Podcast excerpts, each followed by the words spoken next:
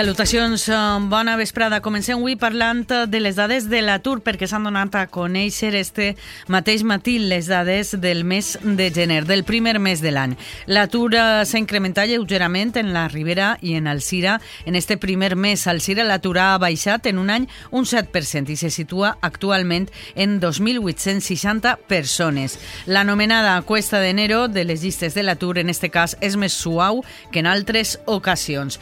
També els parlarem de la valoració per part dels sindicats i d'altres qüestions que conformen la crònica informativa d'avui divendres.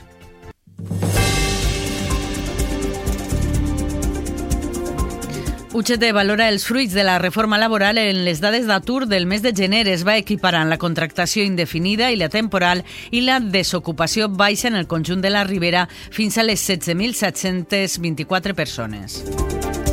El Partit Popular d'Alcira reitera la falta de resposta del govern municipal sobre suposades contractacions irregulars. La policia local celebra el seu 150 aniversari en la nova seu amb un acte que premia la trajectòria de policies més veterans del cos. La ruta dels esmorzars entre Pa i Borreguet camina amb èxit en els primers dies de la iniciativa. Els vuit establiments participants ja han lliurat els primers 30 passaports.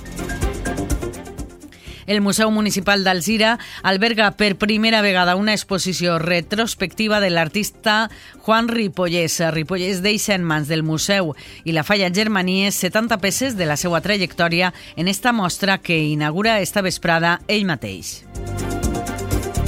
La barraca d'Aigües Vives commemora el Dia de la Pau amb una conferència sobre el negoci armamentista i les guerres a Ucraïna i Palestina. I també la informació esportiva estarà present a la sintonia del Cira Ràdio. David Jordà ens fa un abans. Avui ens farem eh, ressò de eh, l'agenda esportiva que tenim per al cap de setmana dels equips alcirenys i també del partit de la Unió Esportiva Alcira que disputarà el pròxim eh, diumenge a les 5 de la vesprada contra l'Espanyol B, retransmès per al Cira Ràdio. I pel que fa a l'oratge, avui les temperatures han baixat tant les màximes com les mínimes. El dia es mantindrà assolellat, això sí, encetarem el cap de setmana amb boires matinals, ambient assolellat i temperatures que no superaran els 19 graus.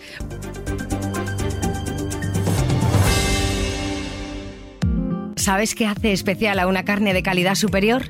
Descúbrelo en la carnicería Casa Oliver, situada en la calle Santa Teresa 19 de Alcira. La tradición y la experiencia de más de 80 años marcan la diferencia. Casa Oliver es el resultado de una larga historia familiar en el arte de la carnicería. En Casa Oliver solo trabajan con proveedores líderes, asegurando que cada producto cumpla con los más altos estándares de calidad. Casa Oliver, comercio del mes de febrero en la campaña Alzira 12 mesos, 12 comerços. Ayuntamiento de Alzira. Tornem a jugar en casa nostra i això és sinònim de fortalesa. A seguir fent del temple un estadi inexpugnable. Dissabte, des de la una de la vesprada, a Mestalla. I per VCF Media Ràdio, la Apple Web i el canal de Twitch, València, Almeria. Ens visita el Cuer encara sense conèixer la victòria, però cura perquè ha posat en dificultats equips importants de la Lliga. Els de Baraja amb humilitat i l'empenta de l'afició a donar un pas endavant en la competició. Te ho contem amb la narració de Josep Rovira i els comentaris de Miguel Ángel Bocio, Ricardo Arias i Víctor Barea. València-Almeria. Junts a per la victòria en Mestalla. Escolta la narració a través del 107.9 de la freqüència modulada o al cireradio.com. A Alzira som uns privilegiats pels espais naturals que tenim. La Murta i la Casella, la Via Verda i la Verd, amb el que pots accedir a la muntanyeta del Salvador i el riu Xúquer. Alzira en verd, coneix-la i gaudix-la. Regidoria de Patrimoni i Turisme, Ajuntament d'Alzira.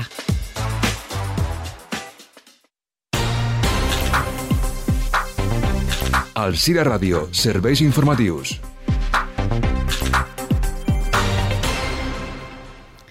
Primer mes de l'any i lleuger increment de les persones aturades al CIRA seguint la pauta estacional. Avui s'han donat a conèixer les dades de l'atur i el CIRA compta amb 2.860 persones en les llistes del Labora. En són 77 persones més que el mes de desembre, tot i que es continua per davall de les 3.000 persones, una xifra que ja es va assolir l'any passat.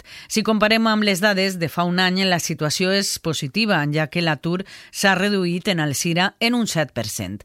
D'esta reducció de l'atur cal cal destacar que les més beneficiades són les dones, tot i que representen el 63% de les persones aturades, sí que cal assenyalar que en un any les que major índex d'ocupabilitat han tingut han sigut les dones, ja que s'ha reduït l'atur femení en 150 dones, mentre que en el sector masculí apenes la reducció ha sigut mínima. Per sectors, el que continua acumulant més atur és el sector serveis, en el que estan inscrites el 66% de les persones aturades, mentre que el sector agrícola és el que menys atur acumula. Per edats, torna a ser el grup de majors de 44 anys el que acumula més del 50% de les persones aturades, i els que menys estan en les llistes de l'atur són els joves menors de 25. La resta de persones aturades tenen entre 25 i 44 anys. I pel que fa a la comarca de la Ribera, segons eh, les xifres, l'atur registrat en este mes de gener s'ha situat en 7.724 persones, és a dir, 510 més que el mes de desembre, amb un ascens mensual del 13%. Pel que fa a les dades anuals, indiquen una disminució de desocupació anual del 6%.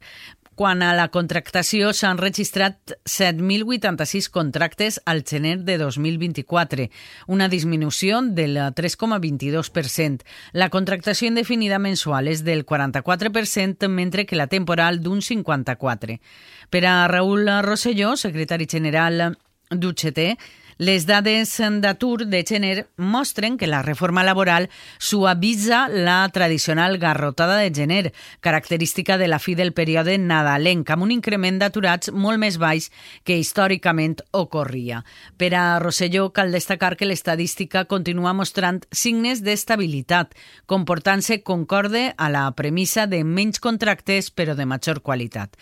Després de dos anys de reforma laboral s'han signat menys contractes, no obstant això això, els indefinits ascendixen al 44% de tota la contractació de gener. Escolten la valoració del secretari comarcal d'UGT, Raül Rosselló que els tres últims anys han sigut els millors mesos de gener de la sèrie històrica en la Ribera.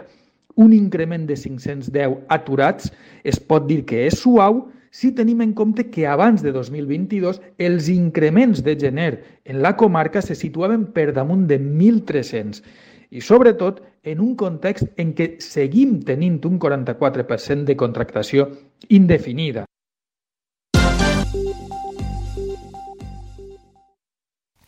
I ara ens traslladem a una festa d'aniversari, la de la policia local d'Alzira, que commemora el seu 50 aniversari i està festejant en la seu que inauguraren el passat mes de març a l'Avinguda Pare Pompili. Fins allí s'ha traslladat també la nostra companya Mari Carmen Cano. Mari Carmen, bon dia, benvinguda.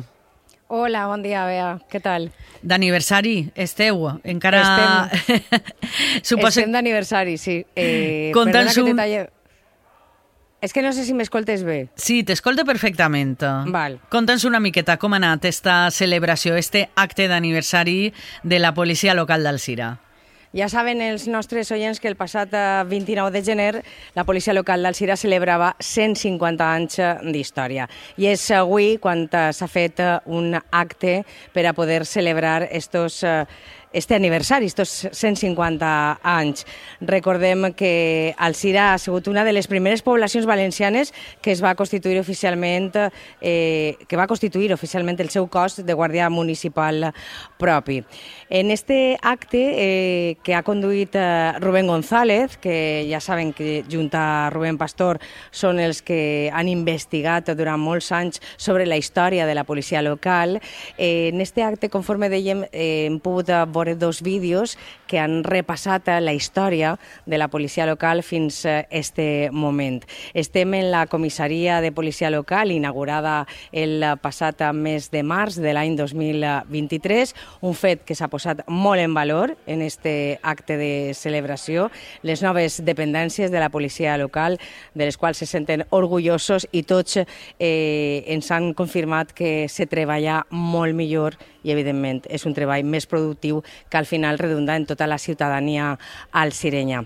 Un acte en el que ha estat eh, present, eh, com no, el comissari de la policia local, eh, la regidora de Seguretat i també l'alcalde de la ciutat d'Alcira. Estava també l'alcalde de la Barraca, d'Aigües Vives, i acompanyaven també en aquest acte junt a tots els membres de la plantilla de la policia local el subtinent eh, de la Guàrdia Civil i també el comissari en cap de la Policia Nacional d'Alcira, que també s'ha recordat en aquest acte, està celebrant el seu 200 aniversari.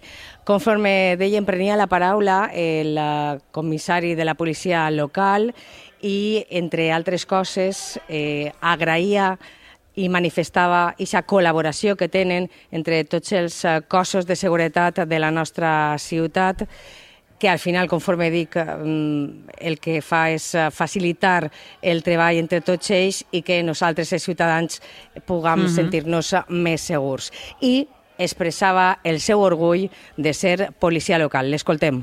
Una colaboración fundamental y del todo necesaria en nuestro modelo de Estado social y democrático de derecho. Finalmente, agradecer al Ayuntamiento y a la ciudadanía su continua confianza en este cuerpo, Invertir en policía es garantía de éxito.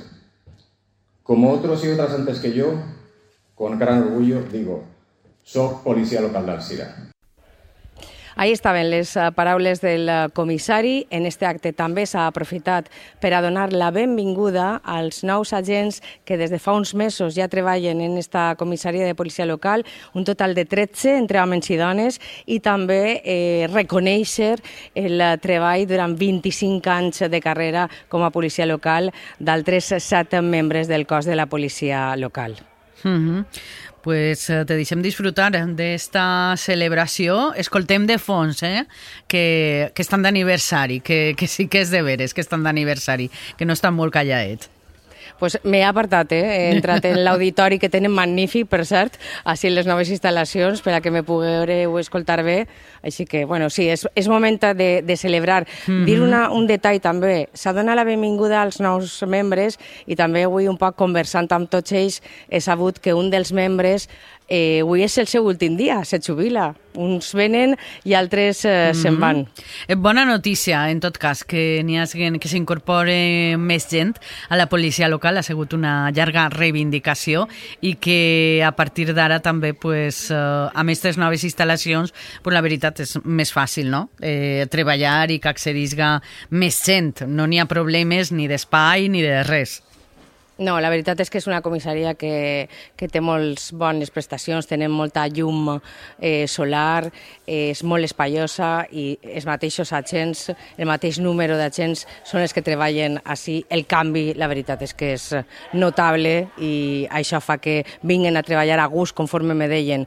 No? Eh, venim a treballar a gust i això després eh, s'ha de notar. Mm -hmm. Pues esperem que siga així. Te deixem eh, continuar disfrutant, Mari Carme. Moltes gràcies per esta connexió. Gràcies, bona vesprada. Adeu.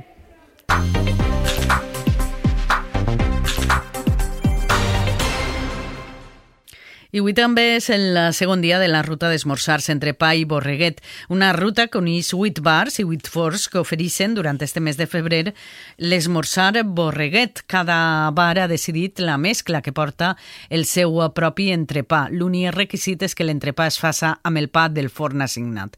Així les coses, tots aquells que participen en esta iniciativa poden conèixer els distints bocates de la ruta en la web Entrepà i Borreguet. La ruta consisteix en omplir un passaport que certifique que has tastat els 8 entrepans a través eh, d'un QR que has de pujar eh, una imatge d'eixe moment.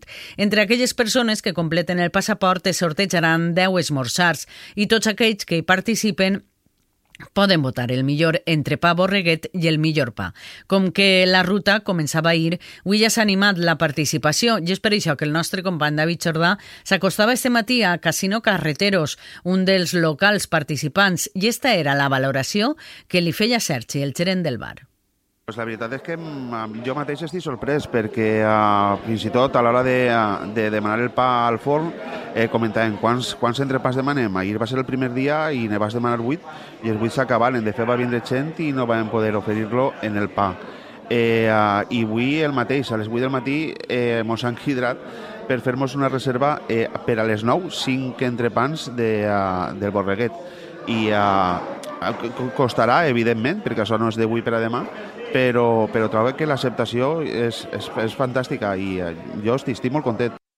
També este matí han encetat la ruta l'equip d'IDEA, encapçalat per la regidora de Comerç, Gemma Alós, i acompanyats pels fallers de Sant Joan, comissió fallera impulsora d'esta iniciativa. Ho han fet altre dels establiments que hi participen, la Casa Blava. Des d'allí, la regidora ha explicat que els participants estan molt contents de com ha començat.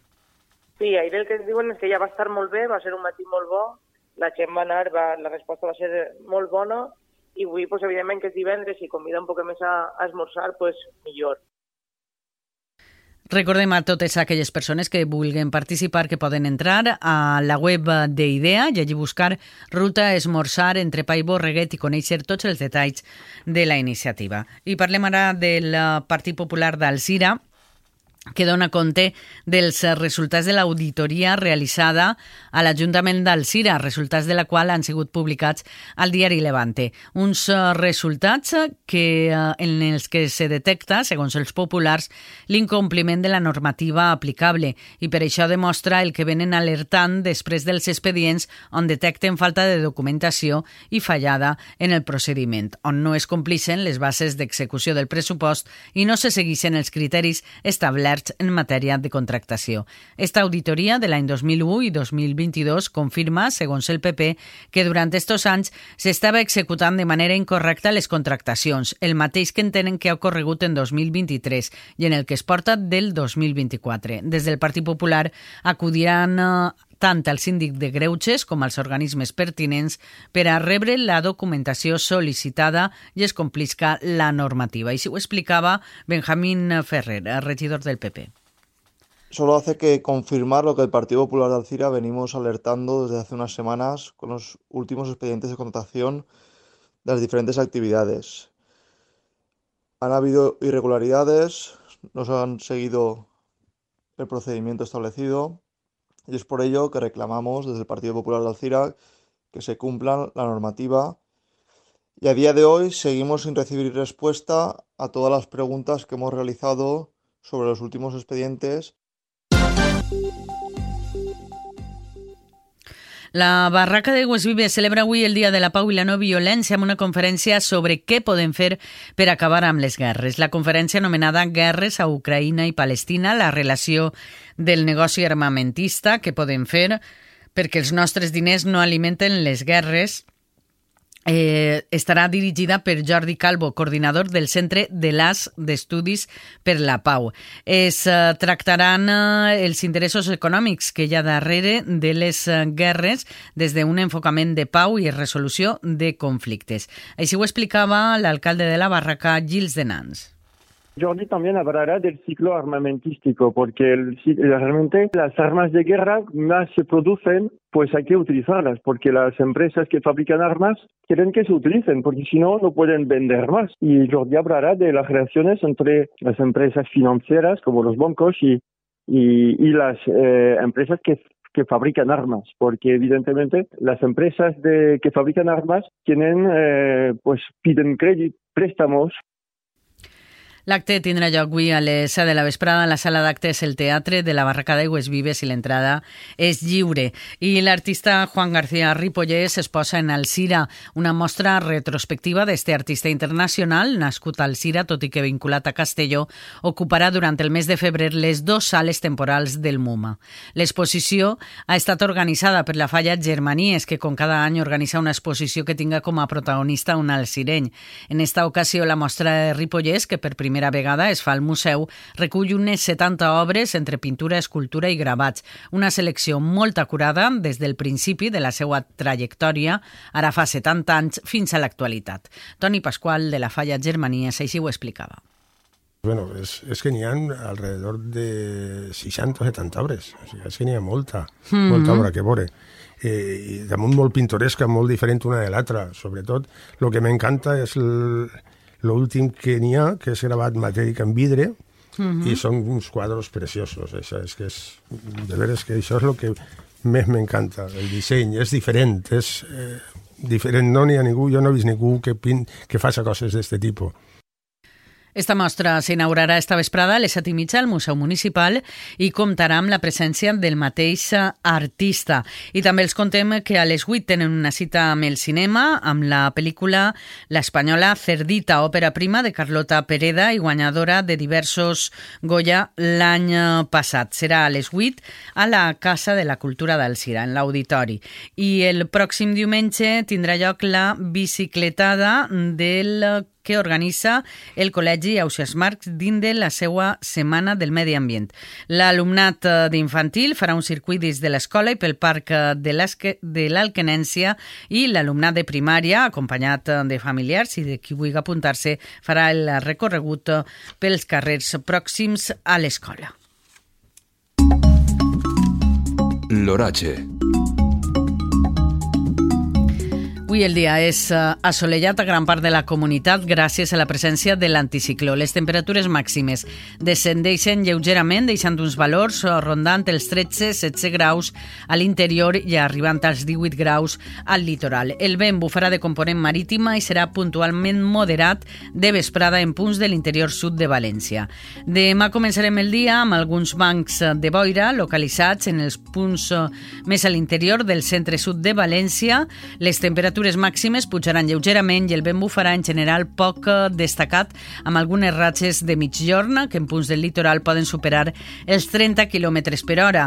I el cap de setmana, també diumenge, continuarem amb l'anticicló sobre la vertical de la península, així que disfrutarem eh, d'un ambient assolellat un ambient que seguirà fred i amb temperatures màximes que rondaran els 15-19 graus.